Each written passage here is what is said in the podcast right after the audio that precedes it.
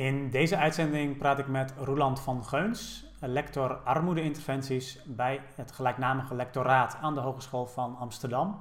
En we hebben het over de vraag of geld gelukkig maakt en welke interventies op het gebied van armoede nu juist wel of niet werken.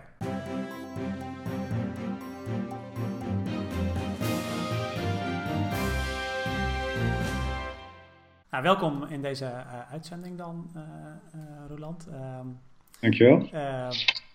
leuk dat je ook, ook mee wilt doen aan dit interview. Um, was wel interessant. In de voorbereiding op dit interview las ik een artikel van jou in sociale vraagstukken. Um, ja, waarin je eigenlijk de stelling die je toch vaak hoort, geld maakt niet gelukkig, dat je die eigenlijk ja, weer spreekt of weerlegt. kun je daar iets meer over zeggen? Ja, ja, uh, ja, dat is natuurlijk een veel, veel gehoord verhaal uh, wat uh, mensen uh, vertellen. Geld maakt niet gelukkig. Ehm, maar, en dat, dat, dat staat eigenlijk al een beetje haaks op de inzichten vanuit de wetenschap. Waarbij nou, de, de, meest bekende, ook voor mensen die niet in de wetenschap zitten, is de zogenaamde Maslow-pyramide. Waar, mensen, waar die, die van je moet eerst aan een aantal, aantal basisbehoeften, materiële basisbehoeften bevredigen voordat je aan andere aspecten van het leven toekomt. Nou blijkt dat die, die, die Maslow-pyramide is in de werkelijkheid niet heel erg goed uh, door onderzoek te onderbouwen. Dat is meer een gevoel wat mensen ook hebben, waardoor ze het herkennen. Maar wat we vanuit sociaalpsychologie steeds meer denken te weten, is dat het omgekeerde wel waar is. Hè? Dat, dat, dat verhaal van geld maakt niet gelukkig. Uh, nee, misschien dat dat niet waar is, maar als je het niet hebt, dan kom je aan heel veel dingen niet toe waardoor je juist wel gelukkig wordt. Kun je daar een voorbeeld van geven? Een vrij eenvoudig voorbeeld is natuurlijk dat wanneer je heel weinig geld hebt uh, en je heel veel uh, tijd moet investeren in het, uh, het verkrijgen van voldoende middelen en ervoor zorgen dat je eten en drinken op tafel hebt en dat je kinderen in een warm huis kunnen wonen, dat je dan gewoon de tijd niet hebt om eens rustig met je kinderen te praten, om ze voor te lezen en dergelijke. Dus de immateriële behoeften die we allemaal hebben, die lijken sterk te lijden onder een gebrek aan geld. Ja. En juist die immateriële behoeften, die hebben we weer nodig om gelukkig te worden. Uh, Je wordt niet gelukkig van, uh, ja, tenminste, de meeste mensen worden niet gelukkig van uh, alleen maar het rondrijden in een hele dure auto. Mm -hmm. dat, dat blijkt ook uit heel veel onderzoeken. Waar worden we gelukkig van? Dat zijn gebeurtenissen. Uh, en uh, ja, gebeurtenissen vergen tijd. En tijd heb je eigenlijk alleen maar als je tijd over hebt. En naarmate mensen minder geld hebben, uh, hebben ze ook minder tijd over. Ja. Dat is eigenlijk een beetje de redenering die we in steeds meer verhalen en steeds meer onderzoek terug zien, zien komen. Ja, ja.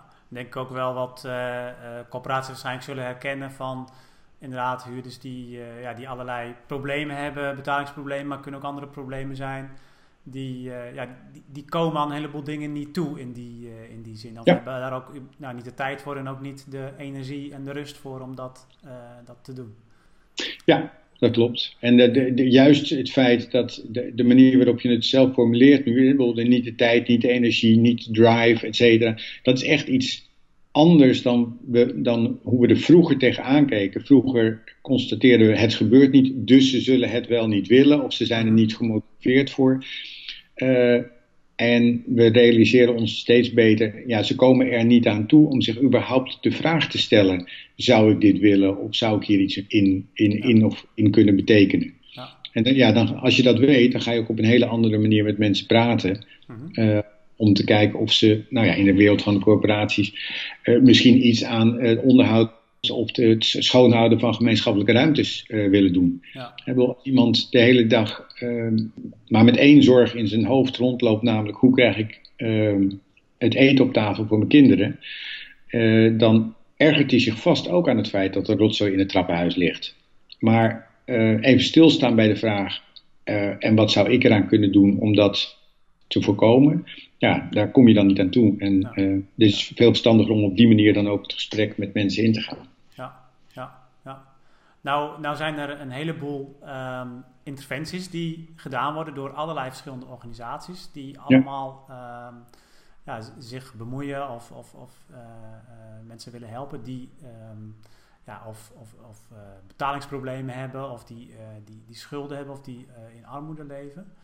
Ehm, maar toch, wordt het, toch blijft het eigenlijk een groot probleem, de armoede. Ja, ehm, ja wat, wat gaat er mis? Kun, kun je daar iets over zeggen? Nou ja, je zou kunnen zeggen dat hier uh, wat er misgaat, is dat uh, de, de goede, goede, bedoelingen van iedereen die aan de slag is, uh, ook tegelijkertijd de valkuil creëren van het feit dat we niet met z'n allen komen tot effectievere manieren van, nou ja, effectievere projecten, effectievere benaderingswijzen, et cetera. Die goede bedoelingen, daarvan denken we, dat is voldoende om iets voor iemand te doen. Mhm. Eh, en daar zitten twee, uh, twee eigenlijk redeneerfouten in. De ene is dat er vanuit die goede bedoelingen niet de tijd wordt genomen om stil te staan bij de vraag: en wat zou nou helpen in dit geval? En wat zou nou effectief zijn? Mhm. En wat weten we al over wat wel of niet effectief is? We denken dat het effectief is en dus gaan we het doen. Maar dat is nog iets anders dan stilstaan bij die vraag van ja, maar is dit ook wel echt effectief? Ja. En de andere valkuil is, we denken heel, heel erg vanuit onze hulpvaardigheid. We noemen dat ook wel vanuit onze hulp, hulpverlenersreflex. Mm we denken heel veel voor mensen. Ja. En dat betekent dat we aanbodgerichte hulp gaan geven. En niet eerst stilstaan bij de vraag: wat zou deze persoon nou zelf zeggen dat hij nodig heeft? Ja. En uh, soms zijn daar hele grote verschillen tussen, soms zijn de verschillen klein, maar het effect is min of meer hetzelfde. Het voor iemand denken, dat verkleint eigenlijk de kans dat we uh, ook dat doen waar ze zelf op dat moment behoefte aan hebben of het meest door geholpen denken te zijn, et cetera. Ja. Dus het aansluiten bij de, de, de wensen, behoeften en de, ook de vaardigheden en mogelijkheden van de mensen over wie het gaat, is, zou eigenlijk veel meer uitgangspunt moeten zijn voor alles wat we doen. Ja, dus dat is eigenlijk die, ja, eh, het belangrijkste is denk ik de, die goede bedoelingen, dat is niet genoeg. Um, nee. nou, nou, doen jullie heel veel onderzoek, hè, ook naar, uh, naar interventies op het gebied van, uh, van armoede.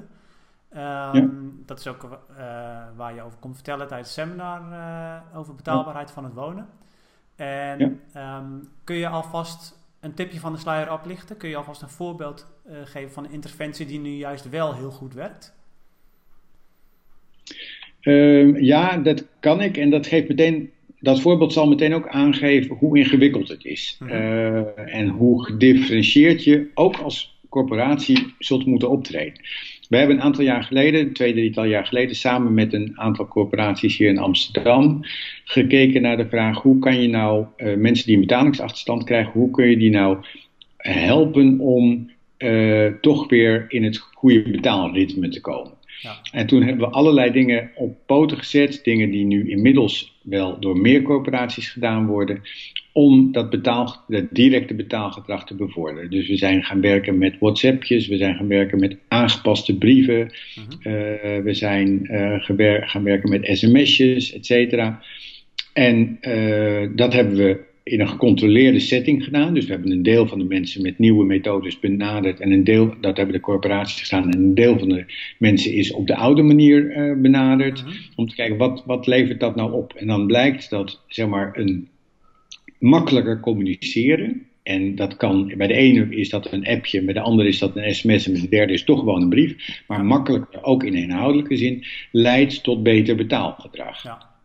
Maar niet bij iedereen. Want toen kwamen we, toen we de, de, de, resultaten gingen analyseren, toen kwamen we tot de conclusie, ja, de mensen die incidenteel wel eens een betaling missen, die je, en die je op die manier benadert, uh, die uh, betalen vervolgens uh, in belangrijke mate beter en sneller. Ja.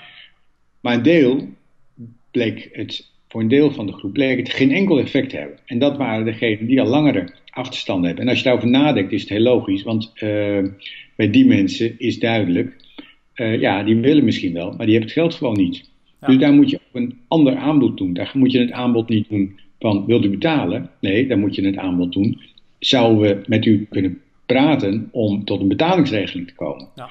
Nou, in andere onderzoeken zijn we daar nu ook mee bezig, want het praten, het, het openlijk aanbieden om een betalingsregeling te kunnen treffen in geval van betalingsproblemen, daar zitten uh, niet alleen woningcorporaties, maar ook veel andere schuldeisers die hikken daar een beetje tegenaan vanuit de angst van ja, lok ik dan niet het uit dat mensen te snel naar, willen overstappen naar een betalingsregeling. Ja. Nou, wij denken dat dat een ongegronde angst is, dus we zijn daar nu ook mee bezig om te kijken of we dat kunnen aantonen dat dat niet het geval is. Mm maar dat, dat, dit, deze voorbeelden geven aan, ja, er zijn dus mogelijkheden om het effectiever te maken. Er zijn mogelijkheden om de doelen van de klant en van de, in dit geval schuldeiser, dichter bij elkaar te brengen. Ja. Eh, maar er zijn ook situaties uh, waarin je uh, toch weer naar andere oplossingen moet zoeken. Er is niet één oplossing, helaas. Nee, precies. En um, want, want, heb je dan um, in de voorbeelden die je noemt, hè, die leiden dan tot ook um, natuurlijk sowieso minder betalingsachterstanden, ook voor de, voor de mensen die het betreft. Ja. Heb je dan nog meer inzicht in wat het uiteindelijk ook doet voor uh, het, het, leven van die mensen eigenlijk? Dus uh, ja. voorkomt het ook daadwerkelijk dat mensen verder in de schulden uh, komen? Niet op basis van dit onderzoek. Mhm. Dit was heel specifiek gericht op betaalgedrag bij corporaties en daarmee stopte het ook. Vanuit ander onderzoek zien we wel dat naarmate je praktischer mensen helpt bij het oplossen van die betalingsachterstanden en ervoor zorgt dat hun financiële stress afneemt, mhm. dat ze daardoor uh, uh, nou ja, met, met minder problemen te maken hebben. Ik wou bijna zeggen gelukkiger worden, maar dat is niet het goede woord. Maar ja. In ieder geval, je kunt omdraaien. Zeggen, ze, krijgen minder stress. En daarmee nemen uh, ook andere klachten, bijvoorbeeld gezondheidsklachten, die uh, nemen daardoor wel af. Ja, ja dus dat is ook wel, wel aangetoond dat ja, op het moment dat je heel praktisch met mensen aan de slag gaat, ja. dat het dan ook echt helpt. Ja, ja klopt. Ja. Nou, dankjewel in ieder geval tot zover. Ik kijk uit naar ook jouw bijdrage tijdens het seminar. Daar horen we nog veel meer wat coöperaties kunnen doen. En ook ja. wat ze vooral aan anderen kunnen overlaten. En wat het dan oplevert. Ja. En, maar heel erg bedankt voor, voor dit moment. Bedankt voor het luisteren naar deze podcast. Wil je nieuwe afleveringen ontvangen? Abonneer je dan op deze podcast. En kijk ook eens op onze website corporatiestratege.nl voor meer praktische tips en downloads die jouw werk als coöperatiestratege makkelijker maken.